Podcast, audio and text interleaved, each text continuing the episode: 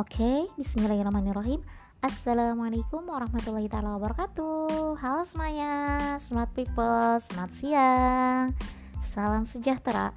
Ketemu lagi kali ini dengan saya Perkenalkan, nama saya Castrena Khairunisa Saya dari Fakultas Ekonomi dan Bisnis Universitas Chandra Badra, Yogyakarta.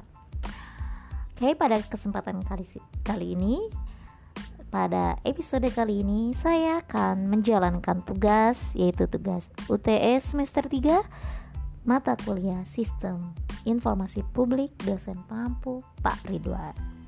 Oke, langsung saja uh, tadi kita sudah bahaskan di episode sebelumnya itu tentang kekurangan dan ke kelebihan e-government. Dan sekarang kita akan membahas tentang tahapan e-government. Oke. Okay? Di sini ada soalnya. Soal yang pertama itu uraikan dan jelaskan poin-poin penting yang kamu peroleh dari materi topik 4 yang sudah kita pelajari. Oke, langsung saja saya jelaskan.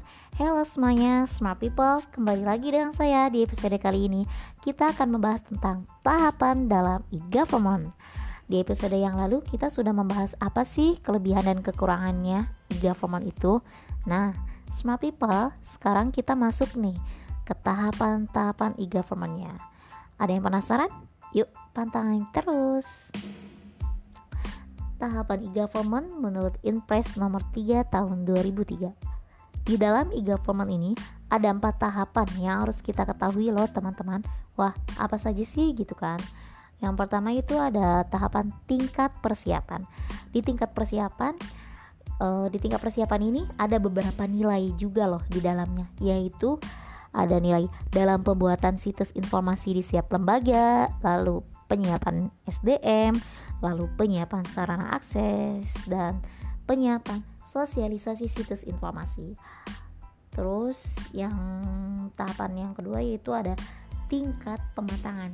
Di tingkat pematangan ini di dalamnya ada pembuatan situs informasi publik interaktif, lalu ada pembuatan antar muka keterhubungan antar lembaga lain. Tahapan yang ketiga ada tingkat pemantapan. Di tingkat pemantapan ini ada pembuatan situs transaksi pelayanan publik. Dan di tahapan yang terakhir yaitu ada pembuatan situs transaksi pelayanan publik, yaitu pembuatan aplikasi untuk pelayanan yang bersifat G2G dan G2C yang terintegrasi tentunya. Menurut salah satu model dalam e-government, yaitu model World Bank-nya, uh, mempunyai tiga tahapan dalam e-government ini. Itu yang pertama ada tahapan yang pertama ada publish. Publish itu yaitu pemerintah mempublikasikan berbagai data dan informasi yang dimilikinya untuk dapat secara langsung dan bebas diakses oleh masyarakat dan pihak-pihak lain yang berkepentingan melalui internet. Di tahapan yang keduanya ada interak. Interak yaitu komunikasi dua arah antara pemerintah dengan masyarakat yang berkepentingan. Dan yang ketiga ada tahapan transak, yaitu terjadi perpindahan transfer uang dari pihak lain sebagai sebuah konsekuensi dari diberikannya layanan jasa oleh pemerintah. Oke, lanjut. Ada tahapan selanjutnya ada tahapan perkembangan implementasi government menurut Nugroho 2007 yaitu tahapan yang pertama ada web presence. Web presence ini memunculkan website daerah di internet. Itu dalam tahap ini informasi dasar yang dibutuhkan ma oleh masyarakat ditampilkan dalam website pemerintah gitu. Jadi me yang dibutuhkan oleh masyarakat itu dapat terlihat di website pemerintahan gitu. Yang kedua ada tahapan interaction. Interaction ini web daerah yang menyediakan fasilitas interaksi antara masyarakat dan pemerintah daerah. Dalam tahapan ini, informasi yang ditampilkan lebih bervariasi gitu kan. Jadi enggak itu-itu aja gitu. Jadi banyak banyak tampilannya seperti fasilitas download dan komunikasi email dalam website pemerintah. Tahapan selanjutnya ada transaction tahapan web daerah yang selain memiliki fasilitas interaksi juga dilengkapi dengan fasilitas transaksi pelayanan publik dari pemerintah. Selanjutnya, tahapan yang keempat ada transformation. Dalam hal ini, pelayanan pemerintah meningkat secara terintegrasi. Oke, selanjutnya ada tahap inisiatif. Tadi tahapan perkembangan implementasi e-government, sekarang tahap inisiatif e-government.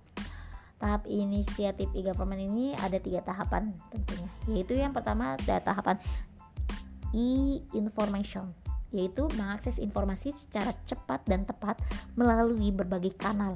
Jadi melalui berbagai kanal itu apa sih gitu? Jadi melalui berbagai channel internet gitu.